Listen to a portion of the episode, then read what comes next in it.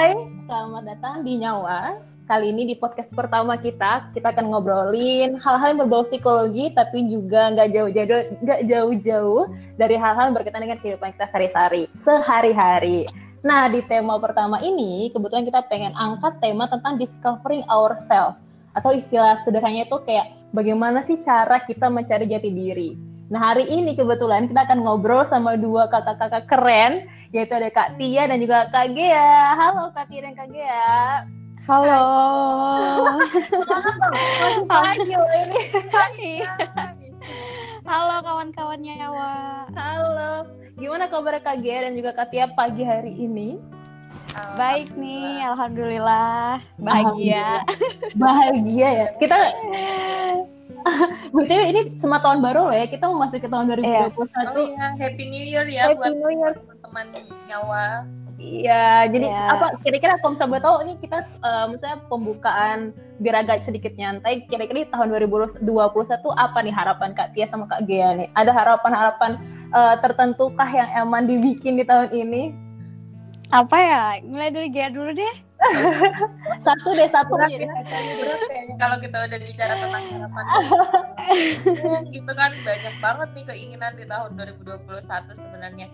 Ya intinya sih sebenarnya harapannya semoga 2021 lebih baik buat kita semua. Terus em, masyarakat Indonesia juga semakin teredukasi dengan baik terkait eh, pengetahuan tentang psikologi tentunya ya karena kan kita pengennya semua orang tuh tidak memiliki stigma negatif lagi terhadap beberapa gangguan psikologis di masyarakat kita dan ya memang beberapa harapan pribadi yang terselip di antara harapan umum itu ya semoga segera tercapai Amin. Kalau Kak Tia gimana Kak Tia? Amin. Semoga terwujudkan ya, Ge. Kalau aku setiap tahun selalu berharap eh, keinginanku berubah jadi kebutuhan sih. Waduh. Keinginan jadi kebutuhan ya. Eh, iya, jadi harus gitu. angan-angan ya teh Oke oke.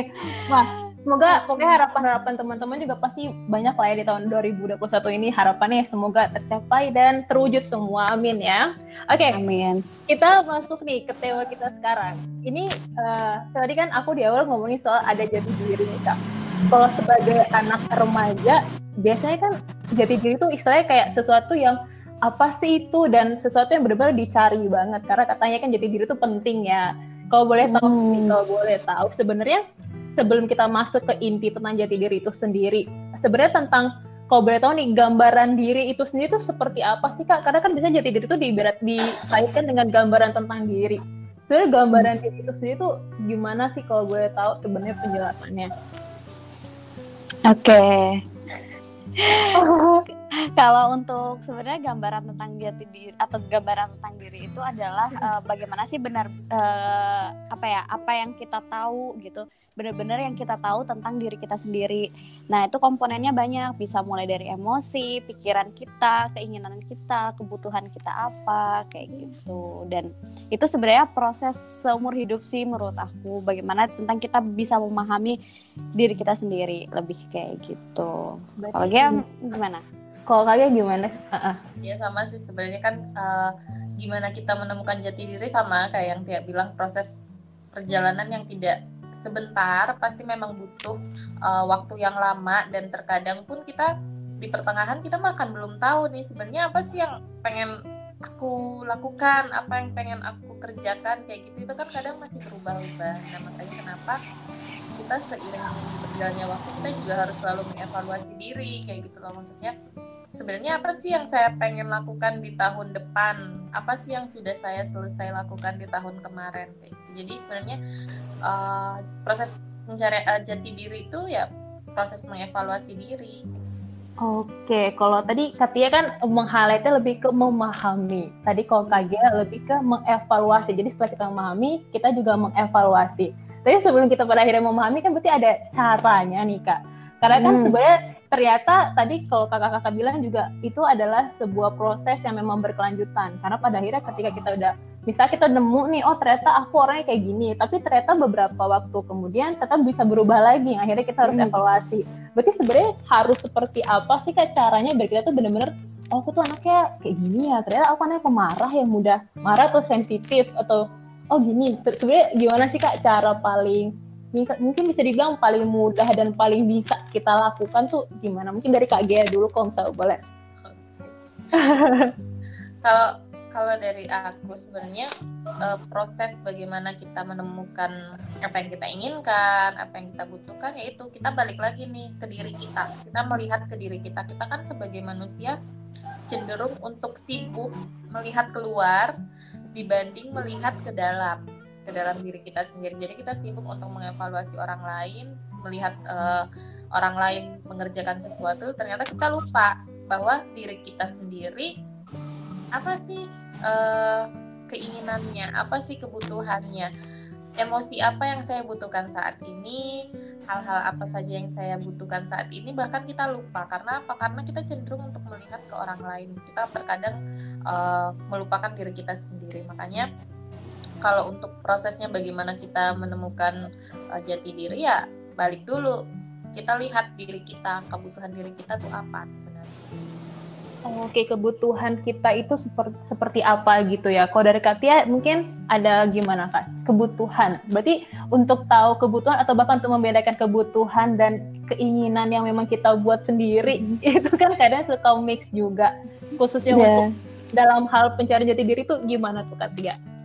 Oke, okay, uh, eh, sebenarnya gimana sih cara supaya kita tahu kita tuh butuhnya apa gitu, supaya kita bisa lebih apa pusat ke diri kita sendiri ya lebih fokus ke diri kita sendiri hmm. itu tuh uh, kita bisa ini sih uh, lebih ke tahu gitu. Kita misalnya saat ini kalau kalau lagi tren kan kata orang mindful ya.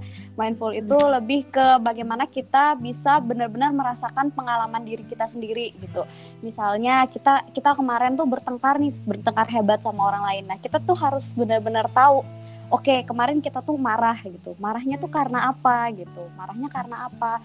Karena sebenarnya aku tuh nggak suka kalau misalnya aku terlalu direndah-rendahkan di depan orang lain oke okay, misalnya aku terlalu direndah-rendahkan di depan orang lain kenapa gitu ya karena ternyata aku tuh marah bukan karena aku terlalu direndahkan di depan orang lain tapi ternyata dia yang rendahin aku adalah orang yang benar-benar aku percaya kayak gitu. Ah, okay, benar, kayak gitu. Jadi jadi aku nggak nyangka dia akan melakukan itu nah dengan melakukan kayak misalnya self talk kayak gitu tuh atau merenungi atau mengevaluasi diri itu kita jadi tahu oke okay, berarti kebutuhanku adalah uh, benar-benar rasa aman terhadap orang yang benar-benar aku percaya misalnya kayak gitu Oke, okay, asli berarti uh, ada istilah self talk atau ngobrol sama diri sendiri gitu ya ya? Hmm, hmm, uh, untuk okay. bisa tahu benar-benar kebutuhan kita tuh apa sih. Gitu. Oke, okay. kebetulan ini uh, apa namanya terta menarik banget karena ini sama kayak salah satu kutipan dari buku yang juga aku pernah baca, judulnya Hidup. Jadi saya kayak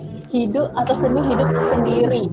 Dan kebetulan okay. di situ juga diomongin kalau ternyata kita tuh harus bisa dan punya waktu sama diri sendiri yang artinya menarik ke diri sendiri biar kita tuh bisa ngobrol sama diri kita sendiri gitu. Berarti ternyata emang self talk itu sebegitu pentingnya gitu ya kak? Untuk iya, kita tahu.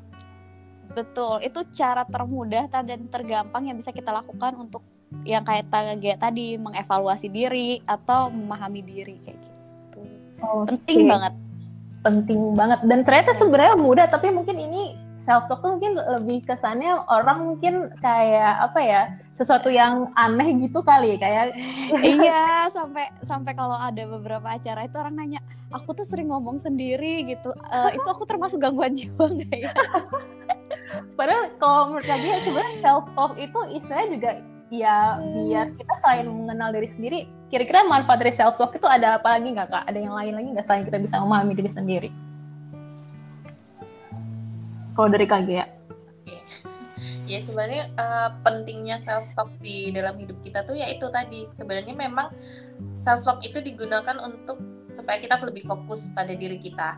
Makanya kenapa uh, sebelum kita melangkah keluar kita bersihkan dulu nih, kita beresin dulu diri kita. Kita harus tahu dulu apa yang kita inginkan, apa yang kita butuhkan, sehingga ketika kita berada di luar atau lingkungan yang besar, kita tahu bagaimana caranya kita bersikap, bagaimana caranya kita menanggapi respon dari lingkungan supaya uh, tidak banyak persoalan yang terjadi atau kesalahpahaman yang terjadi antara kita sama orang lain. Karena apa? Karena sebenarnya kita sudah tahu nih kebutuhan kita tuh apa uh, diri kita ini seperti apa kita harus marah dan meluapkannya dengan cara yang apa kayak gitu. Dah terkadang beberapa orang melupakan bahwa pentingnya self talk itu adalah untuk melihat sebenarnya bagaimana sih selama ini saya kepada diri saya sendiri.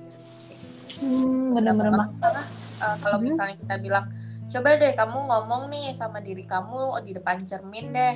Uh, kamu sebenarnya hari ini kenapa? Atau mungkin kamu berterima kasih deh sama diri kamu di depan cermin. Uh, tubuh gitu, makasih ya hari ini sudah berjuang. Tapi kan kita tidak kita tidak bisa melakukan itu uh, terkadang di depan cermin dan beberapa orang pun enggan untuk melakukannya karena merasa bahwa apaan sih ngobrol sama diri sendiri apaan? Iya. ngobrol di depan cermin terus bilang makasih bilang maaf sama diri sendiri. Uh, balik lagi nih. Siapa lagi yang kita siapa lagi yang akan uh, mengetahui segala hal tentang kita kalau bukan kita sendiri gitu. benar. Ketika kamu tidak mau berbicara dengan dirimu di depan cermin ya berbicaralah setidaknya mungkin sebelum tidur terus uh, melakukan butterfly hug terus uh, mengatakan pada diri sendiri it's okay uh, apa yang kamu jalani selama ini sudah cukup sudah maksimal gitu sehingga kita tahu menghargai diri sendiri dan akhirnya kita tahu sebenarnya siapa sih saya gitu. siapa Benar. sih saya yang ingin saya tunjukkan kepada orang lain karena apa pun yang kita inginkan respon dari lingkungan ya itu kan tergantung bagaimana kita bersikap juga. Benar, berarti uh, pada akhirnya fungsi dari misal kita udah memahami diri kita sendiri, kita bisa ngobrol sama diri kita sendiri, kita jadi eh, nggak uh, memaksakan orang lain untuk memahami kita juga gitu kayak, ya. karena kita uh, benar karena itu kan juga sering terjadi. Aku jadi keinget tadi dari obrolan uh, KG ya. Pada akhirnya kalau misalnya kita nggak ngerti kita, akhirnya kita selalu memaksakan orang lain untuk memahami kita. Gimana orang memahami kita kalau kita nggak pahami diri kita sendiri, ya, ya kan? Ya? Oke, okay. berarti kak kalau boleh uh, kita diskusin uh, ngobrolin soal bagaimana kita memahami diri kita ini kan ternyata cukup sulit ya dan ini juga life process. Berarti sebenarnya dari kapan sih kita bisa memulai atau istilahnya kita bisa sadar oh ternyata aku harus bisa pahami diri ini gitu. Apakah ada kayak batas usia tertentu yang seharusnya sih dari umur sekian tuh udah bisa atau seharusnya dari umur lese anak-anak orang tua mungkin bisa mengajarkan atau seperti apa sih Kak? Kira-kira dari kapan seharusnya kita benar-benar bisa memahami atau mengetahui diri kita sendiri? Dari Katia mungkin kalau boleh okay. kalau Kak Gea juga boleh. Oke okay, kalau pertanyaannya mulai dari kapan? Kalau bisa ya misalnya masih belum mulai dari sekarang banget gitu buat teman-teman yang sedang dengerin ini mulai dari sekarang banget. Atau kalau misalnya untuk pesan gitu harusnya mulai dari berapa sih? Ya mulai dari remaja sih sebenarnya kita harus sudah mulai memahami diri ya gitu. Mulai dari usia ya usia usia 15 tahun 16 tahun itu kita sudah berusaha lah paling nggak coba untuk memahami kita tuh sebenarnya maunya apa. Kita tuh orang uh, maunya apa gitu. Kan kalau dari remaja kan kadang kalau untuk memahami diri sendiri kan mungkin agak susah ya. Kita harus uh, mungkin lebih mudah kita tuh maunya apa sih gitu. Kita tuh maunya apa pengennya apa mau ngelakuin apa gitu. Nah biasanya itu yang kadang terlupa, kadang orang masih di remaja itu kadang orang tua, eh kamu misalnya masalah jurusan aja, kamu tuh harus dokter misalnya kayak gitu padahal anaknya nggak nggak suka sama sekali misalnya kayak gitu. Nah mulai dari hal-hal kecil kayak gitu aja gitu. Walaupun itu sebenarnya bukan hal kecil ya itu hal besar. Hmm, kayak gitu. Nah terus juga kalau misalnya nih kita sudah jadi orang tua kita tuh harus mengajari anak gitu untuk memahami. Nah, misal nih contoh paling kecil yang sering terlewat oleh orang tua adalah misal pas hari dia ulang tahun. Orang tua tiba-tiba datang ah ya kamu ulang tahun kamu harusnya senang hari ini gitu. Nah mungkin pas anaknya lagi sedih orang tuanya nggak peka anaknya tuh jadi susah mengkoneksikan aku lagi ngerasain apa? Berarti aku nggak boleh ngerasain ini dong gitu. Jadi dalam proses dia mulai mengenali emosi itu malah di di sama orang tua yang bilang eh hari ini hari ulang tahun harusnya yang ulang tahun harusnya seneng dong gitu. Padahal kan kita ketika kita sedih ya biarkan aja rasa itu sedih misalnya kayak gitu. Hmm, ya misalnya kayak gitu. Berarti kamu jangan nangis misalnya kayak gitu. Misalnya kalau jadi jadi orang tua. Iya, berarti itu istilah kayak biar anaknya memahami juga emosi hmm, dia, nggak nggak kontra emosi. iya betul. Nggak kontra emosi gitu. Iya, kalau iya. misalnya kita udah orang tua kayak Oh, gitu. Oke, berarti intinya kalau misalnya sejak kapan tuh eh, nggak ada batas waktu tapi sedini mungkin Mm-mm, bahkan dari orang tua bisa ngajarin anaknya dari sederhana eh, melihat kondisi eh, anak ya nggak maksain karena kayak tadi contohnya kan ulang tahun kalau kita mikirnya ulang tahun berarti harus seneng dong ya kali Iya. udah kayak ini misalnya oh, Padahal betul. mungkin nggak suka sama bentuk kuenya jadi anaknya jadi nggak jadi seneng gitu kan Iya, ya ha-ha, betul. Oh, iya, iya. Betul. Berarti eh, kalau misal dari Kak Gea, eh, kalau misal boleh nambahin nih da- dari sejak kapan? Sebenarnya kalau dalam prosesnya dalam masa-masa remaja secara khusus ya, kan kita dikenal sama emosi yang eh, nggak la- apa namanya nggak stabil gitu. Kadang eh, ya gimana ya, namanya anak-anak remaja kan kadang suka ngikut sana, ngikut sini, ada tren atau Mm. mungkin ada temen geng-gengnya yang kayak dia ngerasa tuh keren banget, akhirnya dia ngikutin nih dan pada akhirnya dia yang sudah istilah dia belum oke dengan jati dirinya akhirnya keikut tuh gimana tuh kak dalam hal-hal proses kayak gitu sebenarnya gimana tuh akhirnya bagaimana kita biar bisa stabil dan kayaknya aku emang harus gimana gitu karena kan ini agak sedikit meng- akan mempengaruhi nanti dia gedenya akan jadi siapa dan mengenal dirinya jadi siapa gitu kan ya betul. Nah, kalau sebenarnya kalau kita kan kita sering ngomong nih ya, eh kalian masa remaja tuh masa apa? Masa-masa Paling indah. pencarian jati diri gitu kan Iya. ya. Hmm.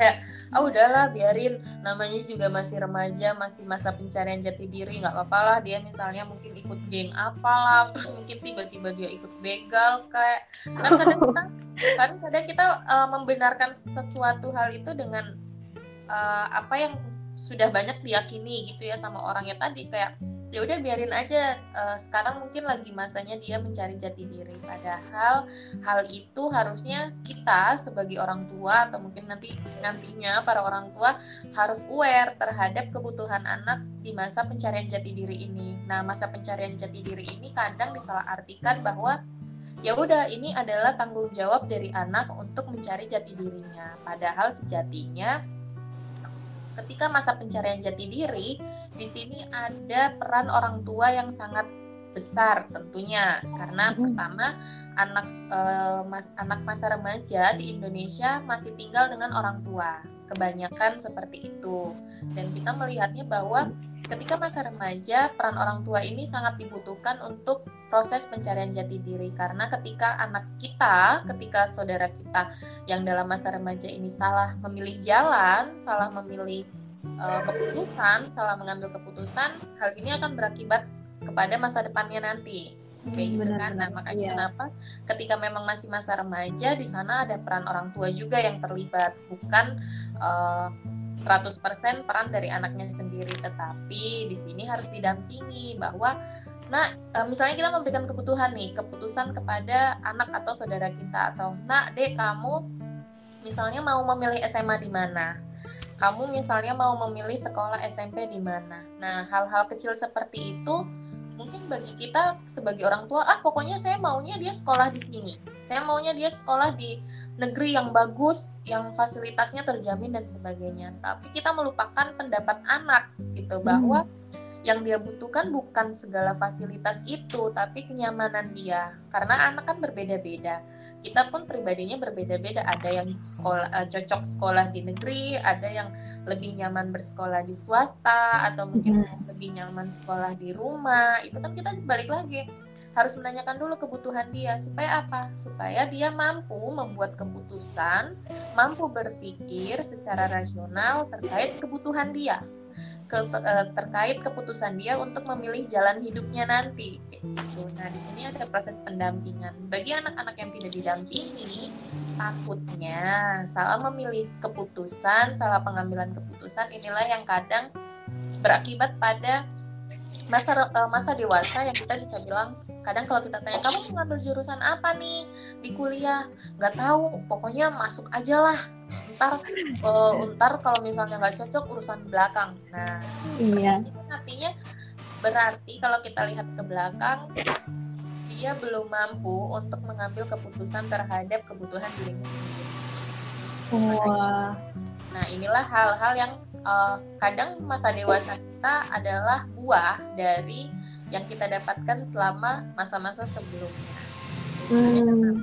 Kayak tadi dia bilang, kalau misalnya sekarang belum uh, belum mengenal jati diri, belum mampu untuk uh, melihat kebutuhan diri sendiri, ya inilah saatnya gitu. Kalau misalnya teman-teman sudah mendengar podcast ini, terus sudah membaca-baca artikel terkait uh, bagaimana caranya menemukan diri atau discover ourselves, ya saat ini uh, harus dimulai mulai saat ini. Kalau misalnya sebelum-sebelumnya belum, jangan sampai terlambat karena pengambilan keputusan akan selalu terjadi di dalam hidup kita kita mau makan aja di sana ada proses pengambilan keputusan.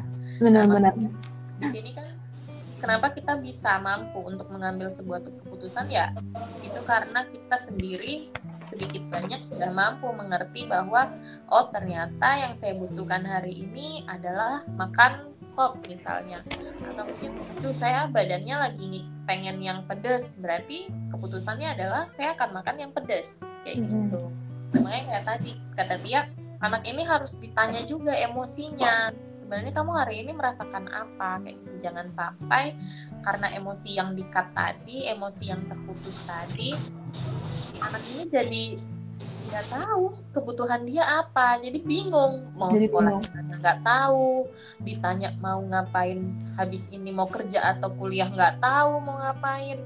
Benar. terus kenapa kamu bermain sama kelompok yang salah juga nggak tahu? Nah makanya kenapa ketika memang masa remaja sangat perlu dibutuhkan pendampingan orang tua untuk ketika, uh, eh, menguatkan anak ini ketika masa dewasanya nanti.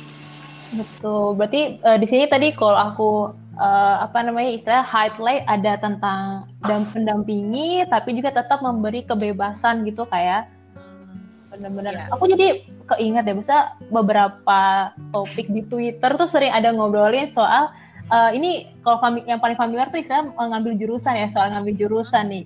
Kadang kita ada kecenderungan orang tua, saya dulu cita-citanya pengen jadi misalnya uh, orang ekonomi, padahal anaknya pengen ilmu komunikasi, terus akhirnya orang tua menaruh cita-citanya itu ke anaknya dan anaknya uh, uh, jadi karena terbiasa nggak pernah dimintai pendapat, akhirnya ya udah ikut-ikut aja. Akhirnya pas sudah gede bingung juga mau jadi apa, kerja gimana. Tuh karena pengaruh itu tadi ya karena dari lingkungan pertama itu adalah keluarga dalam proses pembentukan karakter mempengaruhi juga. Oke berarti kalau gini nih kalau misalnya anak remaja lagi nih ya atau umur-umur kita deh anak-anak 20-an gitu kan juga pasti udah punya idola kan ya. Idola let's say bisa K-pop artis K-pop artis drama atau yang siapa lah artis-artis hmm. yang kita idolakan? Kadang itu juga mempengaruhi kayak gitu gitu kan atau siapa dia mungkin suka nyanyi pemain film apa gitu kan. Terus kadang kita jadi terkesan ih kayaknya dia suka uh, dia keren banget ya dia ganteng banget atau dia hebat banget. Terus akhirnya kita kecenderungan kayak terinfluence untuk ngikutin atau jadi dia.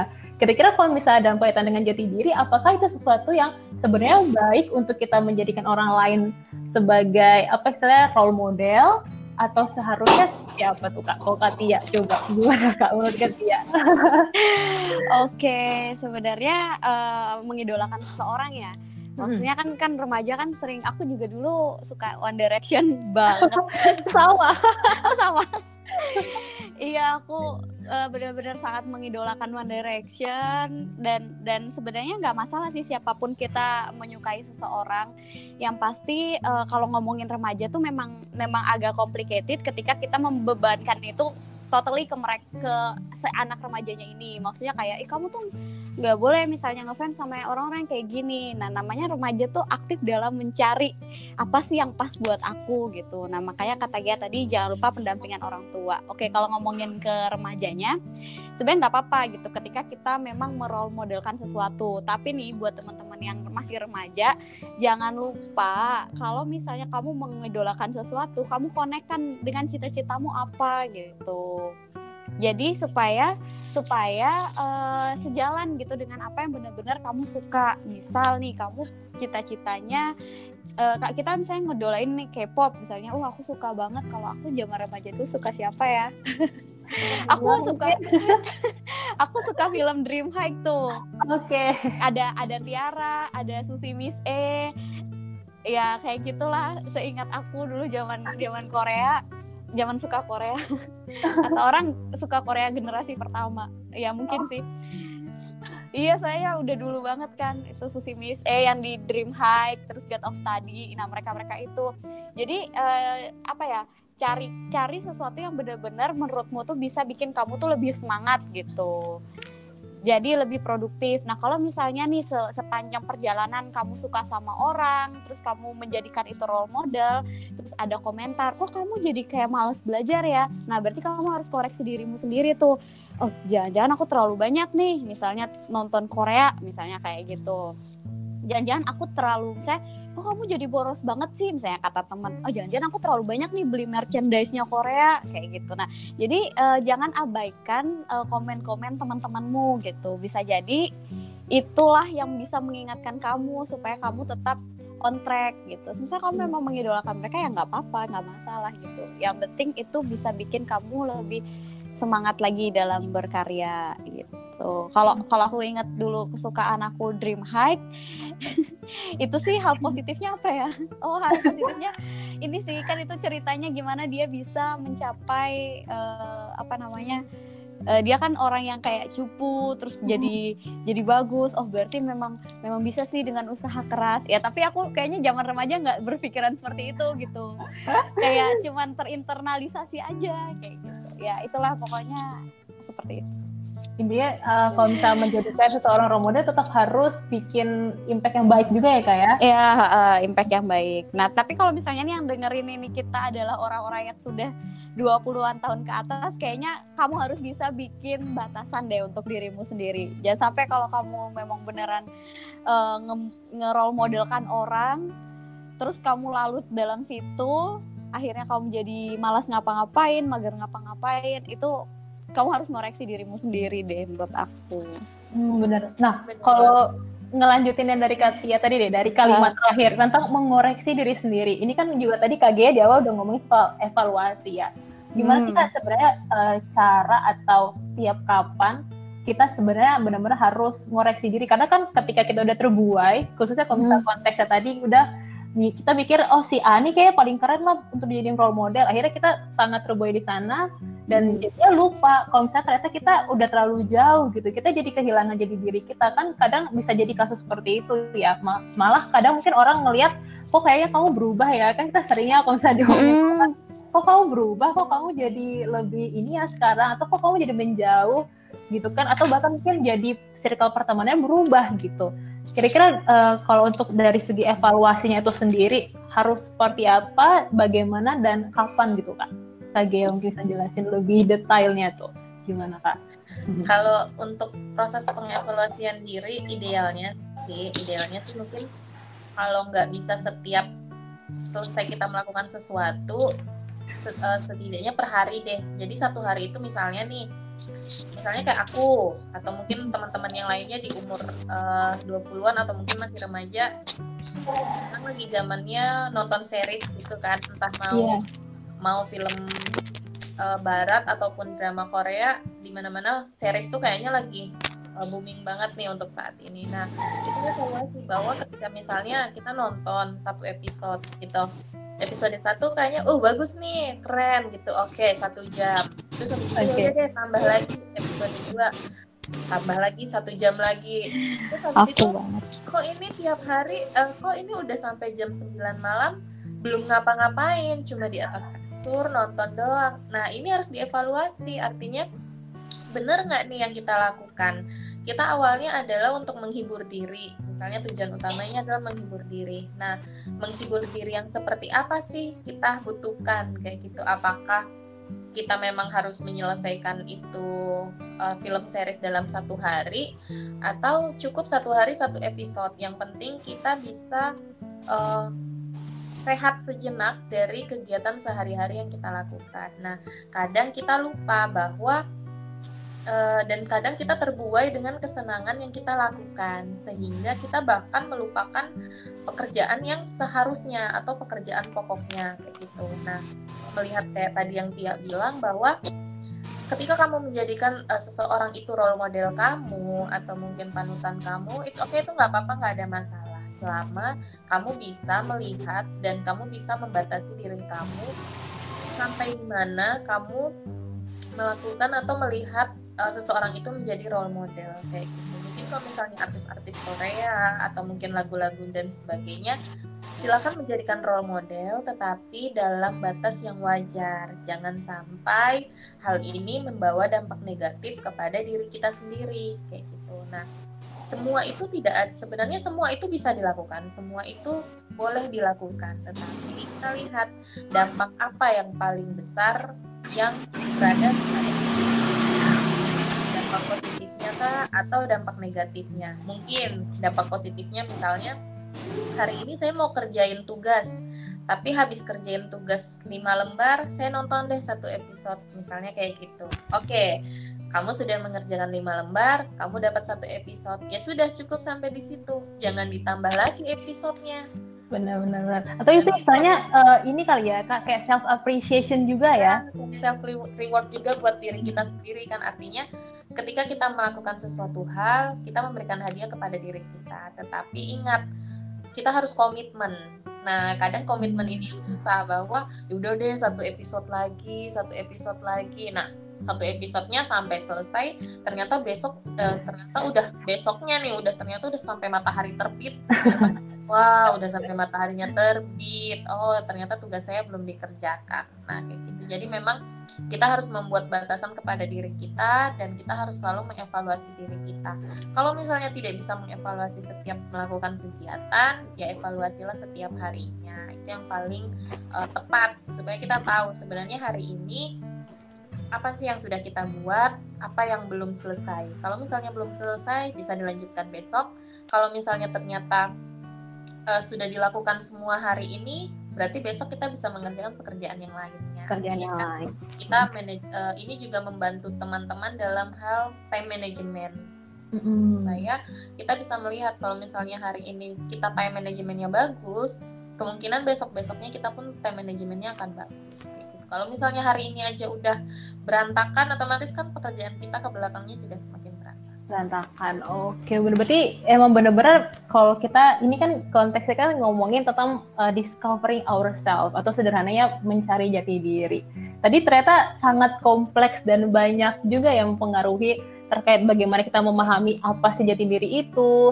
Terus juga pada akhirnya kalau misal aku boleh sedikit kasih beberapa kata-kata kunci memahami kebutuhan dan keinginan itu juga sangat uh, istilahnya jadi kayak apa ya dua poin utama kita ya dalam mencari tahu tentang siapa sih diri kita. Karena tadi kalau dari topik terakhir tadi kan uh, ternyata kalau misalnya kita terbuai dengan mikir ah aku nih butuh hiburan nih eh ternyata gara-gara kita terbuai dan nggak self control istilahnya dalam uh, apa istilahnya cuma mikir ini nih buat self reward nih eh malah keterusan gitu ya. Mana akhirnya time management lagi yang pengaruhi kan. Buruk juga jadi time management. Terus tadi juga ternyata uh, apa namanya dalam cari jati diri bukan cuma kita ya doang ya kan ternyata harus istilah nanya diri kita tapi juga ada faktor lain. Salah satunya itu tadi orang tua dan keluarga juga. Gitu ya kak ya? Oke oke. Dan tadi kalau aku salah satu poin yang menarik juga dari apa namanya fungsi dari kita tahu jati diri kita tuh kita jati diri kita tuh adalah kita bisa berpendapat. Aku sih yang aku highlight tuh kayak lebih ke jadi kita kayak punya pendirian gitu kan ya kak istilahnya? Mm, Nah, pada akhirnya manfaatnya nih manfaatnya dari kita mengetahui jati diri kita tuh pertama tadi kalau aku uh, ingat-ingat dan kalkula apa namanya konsul, konklusikan adalah kita mm. punya pendirian Terus kira-kira ada tambahan lagi nggak kak? Selain pendirian, ada apa lagi biar kita tuh mungkin sebagai pendengar juga akhirnya semangat nih, biar kita tuh benar-benar tahu diri kita selain hmm. pendirian yang kuat, manfaat dari kita setelah mengetahui jati diri kita tuh apa aja nih kak? Oke, okay, kalau untuk mungkin aku ya Ge ya. Iya, boleh boleh. Keluarkan. ya jadi kalau misalnya kita kita tahu nih kita udah paham diri kita sendiri itu tuh satu lagi nih selain selain apa namanya selain orang kita bisa berpendapat kita bisa punya uh, pendirian kita juga bisa memutuskan sesuatu atas diri kita. Itu kan intinya itu Terus yang selanjutnya nih orang tuh nggak mudah untuk mengambil keputusan atas diri kita sendiri gitu. Orang nggak bisa ngelabelin kita misalnya kamu tuh orangnya kok nggak kompeten ya gitu. Misalnya ada orang bilang kayak gitu. Itu tuh nggak nggak akan ngaruh ke kita gitu. Kita kalau misalnya memahami diri kita sendiri, mau orang ngomong hal jelek apa pun tentang kita, kita tuh pasti bisa memahami kalau kita tuh masih punya potensi ini loh gitu jadi kita nggak jadi kita uh, parahnya nih kalau misalnya kita nggak bisa memahami diri kita sendiri orang lain itu bisa mengambil keputusan atas diri kita sendiri gitu akhirnya orang lain yang menentukan apa sih yang pantas buat kamu, apa sih yang berharga buat kamu. Nah, kalau misalnya kita bisa memahami diri kita sendiri, bukan orang lain yang memutuskan itu, tapi diri kita sendiri. Kita jadi tahu apa yang paling pantas buat kita, apa yang paling berharga buat kita gitu. Jadi orang lain nggak bisa uh, mempengaruhi kita. Jadi kita bisa jadi orang yang orang yang pantang untuk dibully gitu. Kita oh. juga kita bisa jadi orang yang pantang untuk dibully kita juga nggak gampang down ketika orang lain itu uh, misalnya ada misalnya nih kita udah kerja ada orang yang labelin kita aneh-aneh kita nggak gampang terpengaruh gitu gitu kita hmm. jadi lebih mudah percaya diri percaya diri terus kita jadi istilahnya orang lain nggak bisa menjatuhkan dan mendikte kita harus jadi seperti apa ya kak ya betul Betul. Wow, oke luar biasa sekali topik kita hari ini. Jadi kalau luar biasa tepuk tangannya boleh teman-teman. Jadi intinya sangat penting buat teman-teman pendengar juga sekalian dan juga untuk untuk diri diriku sendiri juga kali ya. Maksudnya ini juga jadi satu yang nilai dan pesan baik juga karena ternyata uh, namanya proses pencarian pencarian jati diri itu proses dan memang harus ada selalu evaluasi kebutuhan dan keinginan kita juga selalu berubah. Tapi pada intinya kalau kita benar-benar bisa memahami diri kita sendiri itu banyak banget manfaatnya yang mana itu juga berfungsi ketika kita hidup di uh, apa namanya dengan di kehidupan nyata. Istilah ketika, ketika kita berkumpul dengan orang lain atau mungkin bekerja atau mungkin waktu kita sekolah atau kuliah gitu ya kakak-kakak sekalian Betul. Oke, kalau gitu kayaknya topik kita hari ini cukup sampai di sini tentang discovering ourselves. Yeah. Masih akan ada tema-tema lanjutan lainnya nanti di episode selanjutnya. Terima kasih banyak untuk KT dan juga KG dari Merangkai Jiwa. Luar biasa sekali. Thank you kawan-kawannya, Wak. Gitu, kalau ada kalimat terakhir nggak kamu apakah ada harapan dari dari kita tadi diskusiin tentang topik ini dari Katia mungkin apa nih harapan untuk teman-teman okay. pendengar? Oke, okay, harapanku buat teman-teman ya mulai dari sekarang nih bisa mengenali dirinya sendiri, bisa mencoba untuk memahami, bisa dengan self talk, bisa dengan tanya nih ke teman-temanmu yang berwawasan. Yang ngobrol yang ya ngobrol ke teman-teman terus ngepetain kau maunya gimana gitu. Uh, intinya jangan memaksakan keinginan untuk jadi kebutuhan tapi bikinlah keinginan itu benar-benar bisa jadi kebutuhan. Iya di highlight itu ya. Kalau KG gimana KG boleh mungkin nambahin juga? Ya kalau kalau dari aku sih pesan-pesan uh, pesan untuk teman-teman podcast nyawa ini sering-seringlah melihat diri kita sendiri dulu sebelum kita menuntut uh, lingkungan melihat diri kita atau menghargai diri kita. Karena yang bisa menghargai diri kamu hanya diri kamu yang bisa mencintai diri kamu hanya diri kamu. Jangan pernah uh, berharap bahwa orang lain mencintai kamu sebelum kamu mencintai diri Wow, dalam ya. Ngeri. Emang harus mencintai diri sendiri dulu, baru kita bisa mencintai orang lain. Luar biasa.